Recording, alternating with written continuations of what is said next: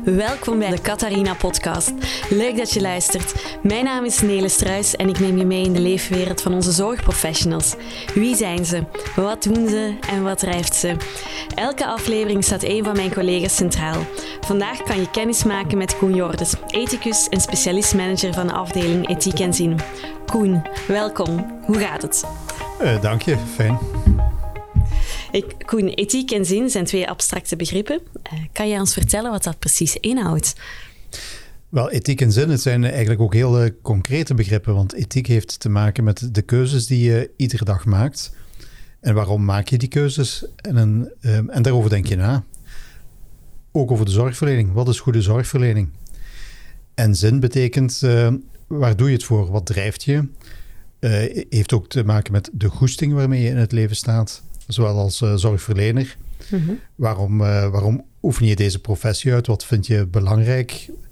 Wat uh, wil je voor een ander betekenen? Maar ook voor de patiënten die we spreken. Um, wat, voor jullie, wat geeft jullie zin in het leven? En heb je er nog zin in? En wat maakt het nog de moeite waard en wat niet meer? Zodat het, het gaat over het leven van mensen en de keuzes die ze iedere dag maken. En de onderlinge waarden. Wat is voor jou van belang? Wat doet ertoe? Oké. En wat is dan jouw rol als ethicus in, in, in dit verhaal? Wel, uh, nou, ik werk niet alleen. Ik werk in een, uh, in een mooi uh, team. Maar we zijn op de eerste plaats uh, worden we ingeschakeld in de begeleiding van patiënten. Er gebeurt heel wat als het leven op zijn kop staat, het leven raakt ontwricht. En ook wat, wat dan um, er uiteindelijk toe doet in je leven, komt sterk naar de voorgrond. Want je leeft niet alleen met jezelf, je hebt ook een partner of je hebt kinderen. Uh, je denkt aan je eigen toekomst, de toekomst van degenen die je lief zijn. En als het leven dan op zijn kop komt te staan, zijn er ook misschien momenten waar er belangrijke keuzes uh, moeten gemaakt worden die voor je eigen leven en voor je, voor je geliefde, voor je toekomst van belang zijn. En omdat dit stuk, of je hebt verdriet te verwerken, zijn ook van die dingen die, uh, die in een mensenleven voorkomen mhm. en die niet te maken hebben met de, de pathologische kant van ziek zijn of met eh, de, het, het, het, gebrek aan draagkracht. Ik zou eerder zeggen juist het, uh, de, de veerkracht die je in jezelf hebt. Je, het heeft met de gezonde kant van de mens te maken en met de tragische kant. Want het leven is niet alleen maar succes. Het leven is soms ook uh, tot stilstand komen, tot stilstand gebracht worden. Heeft ook te maken met verlieservaringen. En daarom is ons team beschikbaar om daarin te ondersteunen. En daarnaast zijn we ook beschikbaar om met uh, zorgverleners na te denken over wat is goede zorg. Want uh, de zorg is vol dilemma's. Sommige vragen laten zich makkelijk beantwoorden omdat uh, de ethiek vervlochten zit in wet en regelgeving en protocollen die uitgedacht zijn. Maar vaak moet er ook geïmproviseerd worden en kom je voor situaties te staan waar je met elkaar interdisciplinair van gedachten wisselt over wat is in dit geval goede zorgverlening.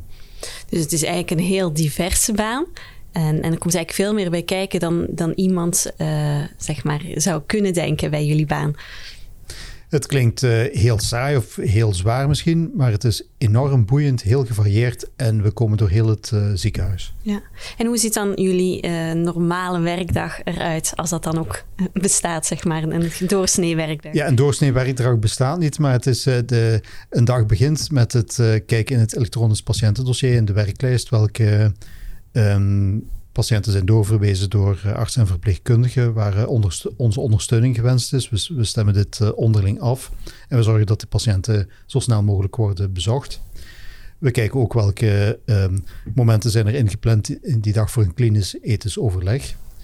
Um, er zijn soms lesmomenten, er, zijn, is commissiewerk. Um, nou, er wordt onderzoek verricht. Dus uh, binnen ons team gebeurt heel wat. Mm maar het begint met het uh, centrale en dat is het, de eh, patiëntenondersteuning.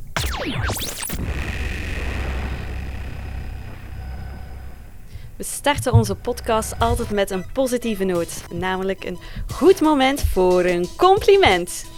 Ja, Koen, we hebben jou, een van jouw collega's gevraagd om jou te omschrijven als collega. Gewoon omdat het leuk is om af en toe eens een complimentje te krijgen.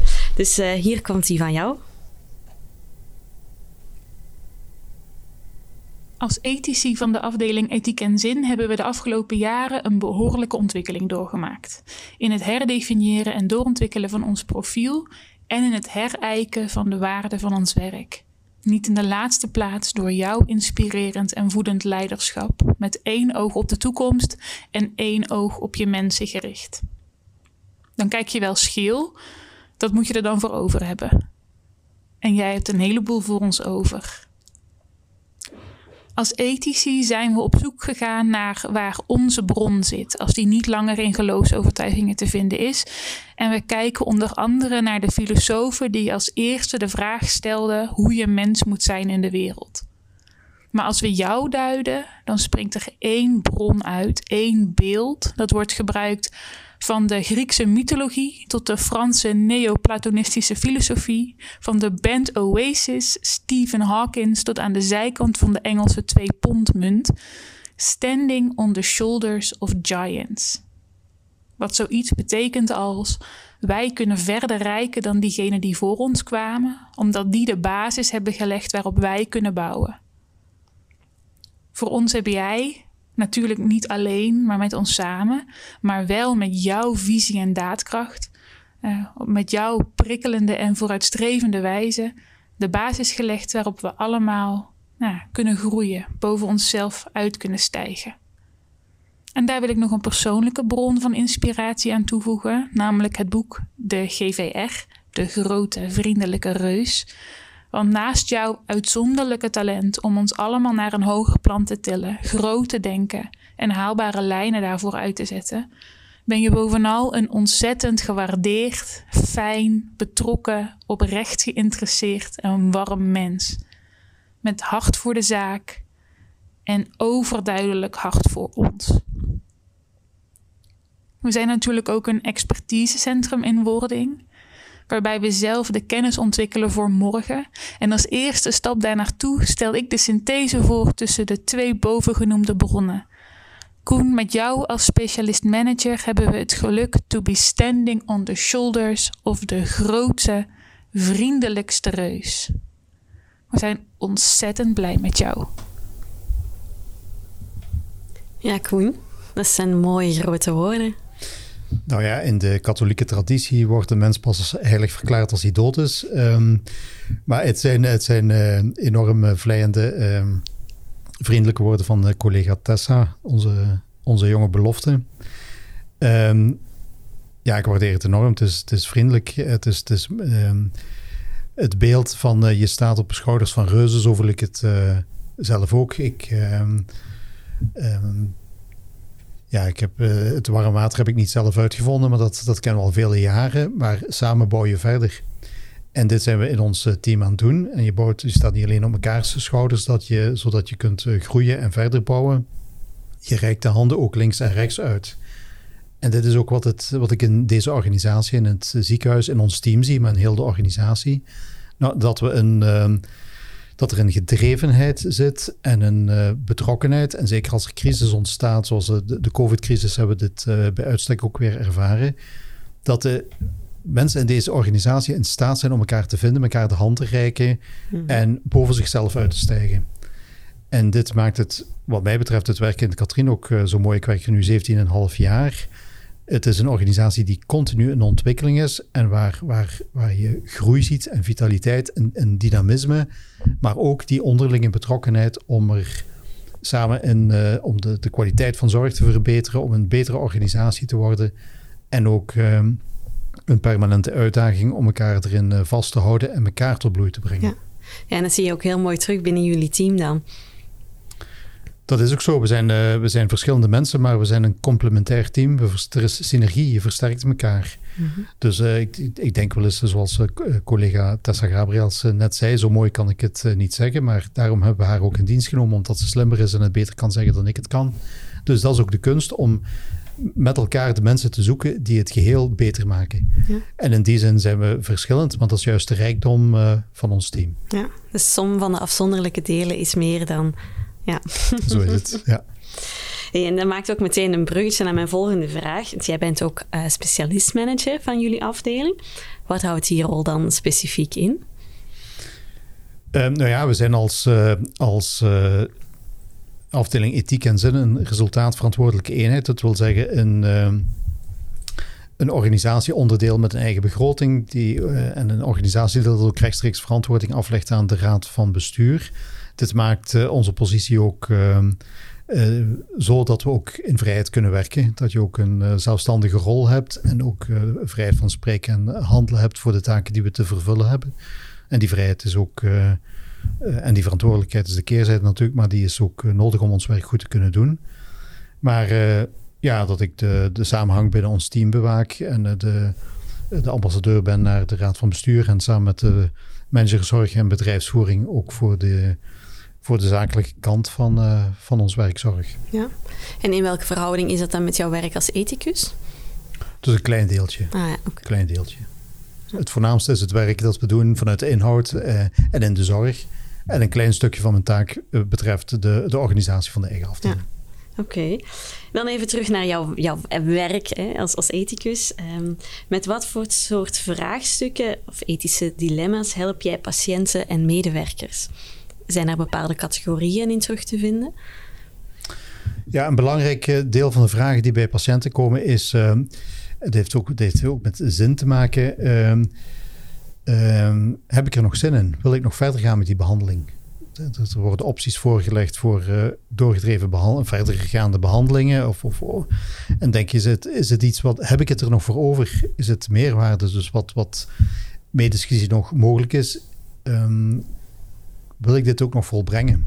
Mm En soms speelt er ook een, een gewetensvraag. Ik, ik, herinner me het gesprek met een, een patiënt die, die, die aan de vijfde chemotherapie uh, toekwam um, en zich afvroeg, kan en wil ik dit nog? En als ik nu opgeef, ben ik dan eigenlijk uh, niet bezig om, uh, kan ik dit met mijn geweten in overeenstemming brengen, dat de, de, kansen die ik krijg om, om mijn leven te behouden, dat ik die, dat ik die laat varen. Mm -hmm. um, ja, dan speelt de vraag ook nog een, een, een geloofsvraag mee. Is het een vorm van euthanasie? En, en, uh, nou, en, en, hoe doe je dat dan? Is daar bijvoorbeeld een soort handleiding, handleiding noem ik het dan maar even. Is, hoe, hoe, ga je dan, hoe, hoe ga je dat gesprek aan? Ja, er zijn allerlei gesprekstechnieken en, en, zo, en zo meer. Maar ik denk dat de basis van alles is um, het, um, het contact zien te maken. Dus dat de ander ook het gevoel heeft, ik praat niet met iemand die een, een, die een methodiek toepast of een, of een lijstje afvinkt, maar het is een gesprek van mens tot mens met iemand die me helpt om een gedachte te ordenen en die in dit geval ook um, verstaat um, vanuit welk referentiekader ik mijn uh, gewetensvragen stel. En zo ga je langzaam uh, naast het, het uiten van die emoties, het in kaart brengen van de, iemands context, de meest betekenisvolle relaties. Want wat, wat mij betreft is iemand geen, uh, leeft niemand als een eilandje, maar je leeft in relatie. En ook de, de beslissingen die je neemt, daar speelt mee de stemmen die je hoort, ook van degenen die er misschien niet meer zijn, maar die voor jou van grote betekenis is, zijn geweest. En mijn vader zou gezegd hebben dat bijvoorbeeld spelen, speelt ook het, het, eventuele nageslacht mee. Wat betekent het voor mijn kinderen en kleinkinderen enzovoort. Dus om te, en uiteindelijk wat betekent het ook voor mezelf om uh, het leven vaarwel te zeggen um, of verder te gaan met behandelen. Zo dat, mm -hmm. uh, ja. Klinkt allemaal heel heftig. Hoe, hoe ga je daar zelf mee om? Ik betrap mezelf er wel eens op dat ik um, door de gangen van het ziekenhuis loop en dat ik denk, hé, hey, daar loopt Joost. En me meteen realiseerde, dat kan niet meer, want Joost is al een aantal uh, jaren geleden overleden. Dus er zijn, zijn momenten waarop ik mezelf erop betrap hoeveel namen, gezichten en verhalen ik met me meedraag. Um, en ik vind het geweldig om het vertrouwen te krijgen. En ik, ik voel ook verbinding met al die mensen. Uh, maar um, er zijn ook mensen die me bijblijven. Ja, soms... Ja. Uh, sommige situaties en sommige mensen vergeet je nooit. Nee, dat snap ik. Is ook iets waar jullie het dan als team ook vaker over, over hebben en reflecteren? Ja, we hebben het geluk dat je als een uh, klein en hecht team ook de mogelijkheid hebt om uh, na een moeilijk gesprek of na een situatie die je persoonlijk ook erg uh, raakt, om een kop koffie te nemen en met elkaar in gesprek te gaan. En om te zorgen dat je niet met je ziel onder je arm ja, naar huis gaat. Ja, ja, heel goed om te doen. En het helpt mij ook een beetje om, uh, om bij te registreren. Het is een soort ritueel voor mij dat uh, welk, gesprek ook, uh, welk gesprek ik ook gevoerd heb, ook al is het kort voordat ik dringend naar huis moet of zo, dat ik, dat ik het toch even registreer. Ja, ook letterlijk van je afschrijft. En dan schrijf ik het van me af en dan kan ik het ook makkelijker hier laten. Ja. Oké. Ik en, en, begeleiden jullie ook bijvoorbeeld artsen en verpleegkundigen? Want jullie gaan zelf naar de patiënten toe, maar um, ik kan me ook voorstellen dat artsen en verpleegkundigen soms ook, uh, ook dergelijke vragen voorgeschoteld krijgen of dan met de patiënt in gesprek gaan en het daar ook moeilijk mee hebben. Hoe begeleiden jullie um, de medewerkers dan?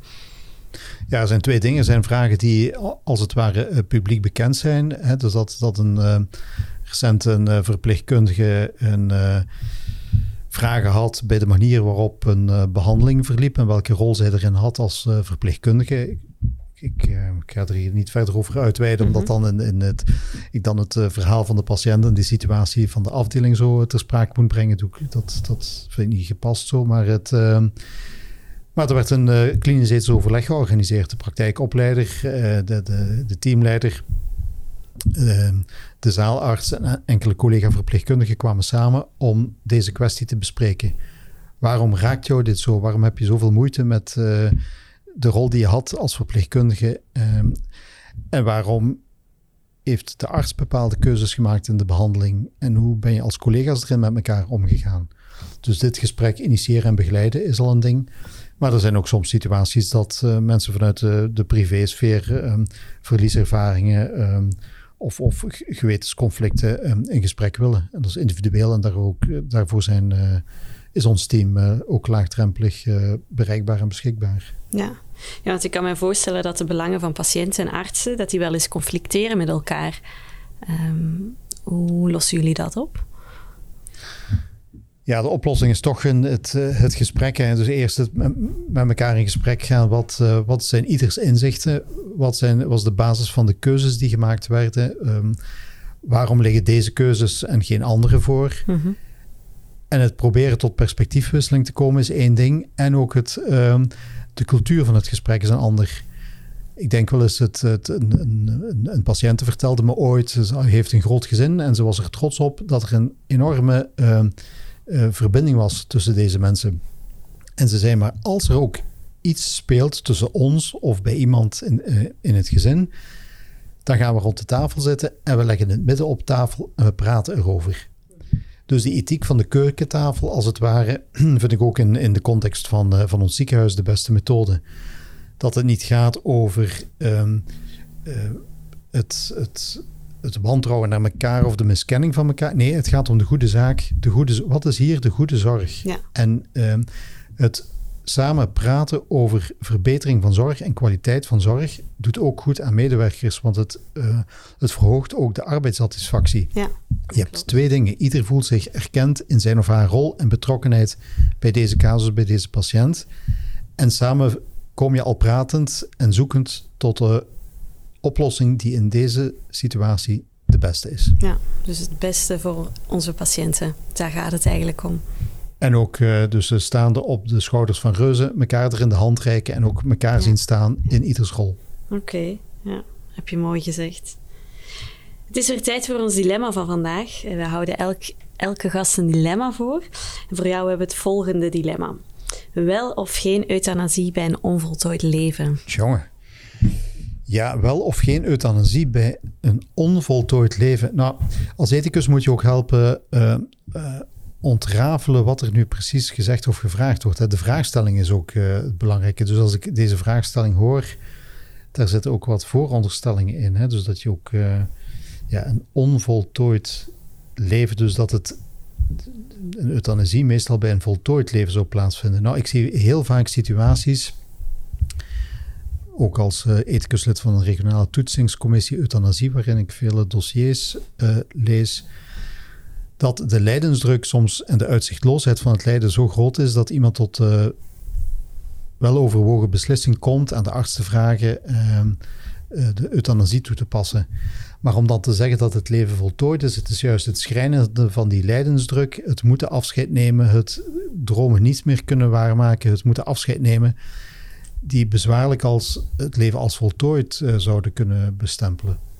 er zit, er zit een tragiek in, uh, ook van mensen die dan uh, vaak grote inspanningen hebben geleverd, uh, waar artsen en verpleegkundigen de beste zorg hebben geleverd om het leven te behouden en draaglijk te houden. Mm -hmm.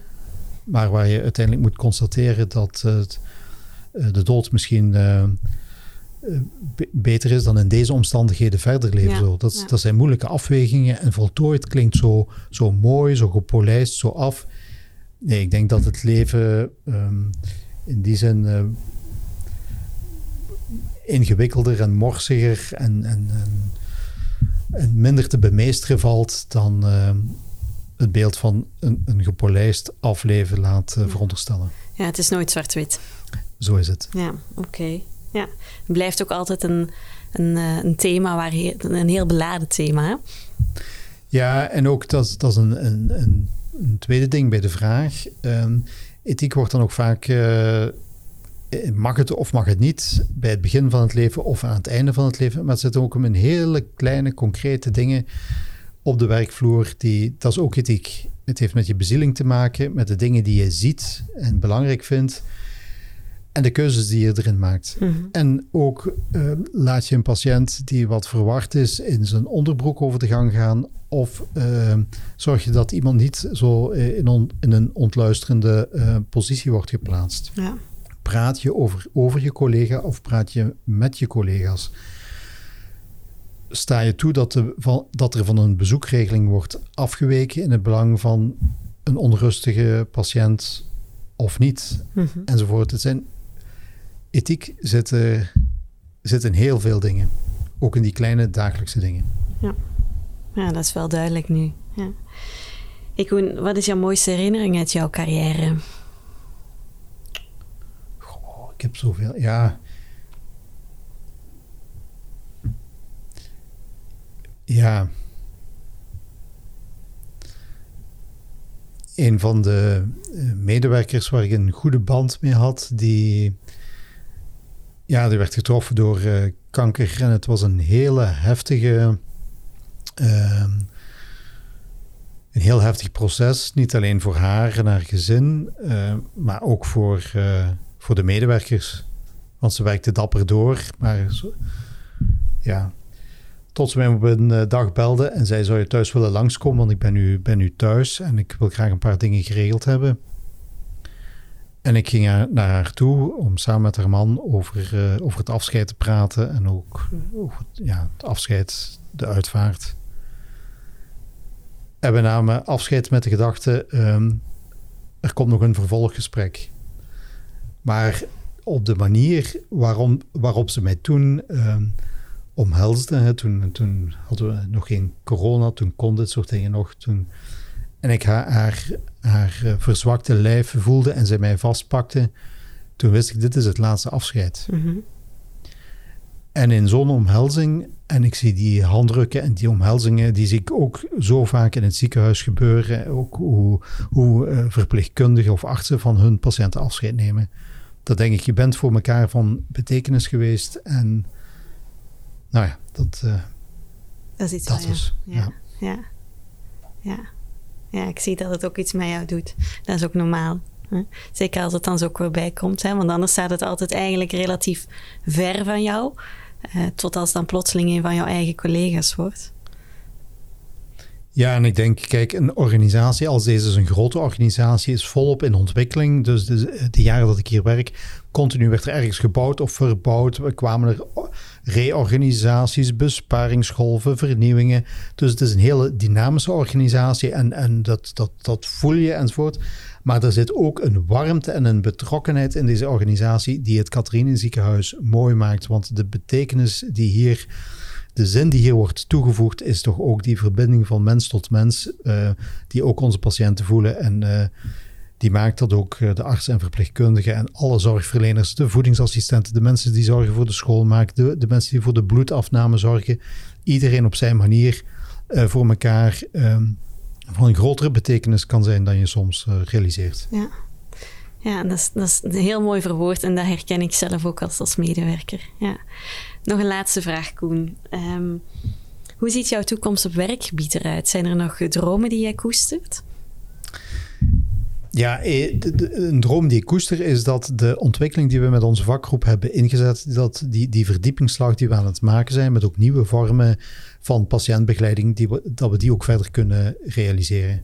We zitten in een goede flow en dan hoop je dat, we, dat ik ook daar de bloemen van uh, uh, zie bloeien. Ja, wel, ik heb er al het vertrouwen in dat dat goed gaat komen met zo'n fantastisch team. En met de grote reus komt het allemaal helemaal in orde. Heel erg bedankt dat je bij ons in de podcast aanwezig wilde zijn. Ik onthoud vooral um, dat, er, dat er veel meer bij komt kijken en dat een, vraagstuk nooit zwart-wit is. Hè. Dat het vooral gaat over de patiënt in eerste instantie, maar ook hoe medewerkers er naar kijken. Um, en dat ik vooral het, het gesprek vandaag ben aangegaan met de grote vriendelijke reus. Dank daarvoor. Dank voor het gesprek. Fijn dat je erbij was en graag tot een volgende keer. Heb je opmerkingen of suggesties? Mail dan naar podcast.catharinaziekenhuis.nl Tot de volgende. Salut!